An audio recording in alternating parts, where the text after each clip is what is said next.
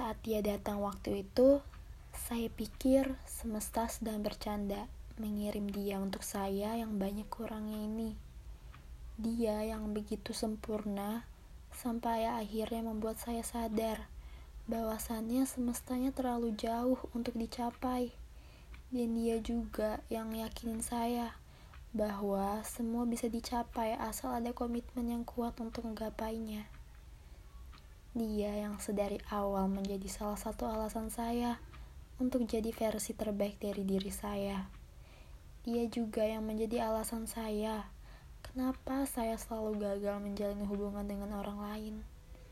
Karena saya selalu cari yang kayak dia di raga orang lain yang nyatanya gak pernah ketemu bahkan mendekati sifatnya saja tidak ada. Sampai akhirnya saya sadar, dia cuma satu di dunia. Dan saya pernah berharap semoga semesta gak kirim orang lain karena saya maunya dia. Saya juga pernah berharap semoga dia bisa lebih lama ngejaga hatinya. Bahkan saya juga pernah berharap Semoga dia gak pernah ketemu sama apa yang dia cari. Supaya untuk sebentar saja dia bisa melihat ke arah saya sekali lagi.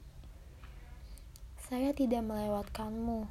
Saya sedang mempersiapkan diri saya untuk bertemu denganmu. Semoga rasa yang saya pupuk dari lama bisa berakhir dengan kejutan yang indah. Entah indah menurut saya atau indah menurut Allah. Kalau kata Bruno Mars,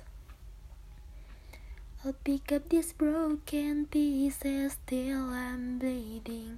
If that'll make you right, Cause there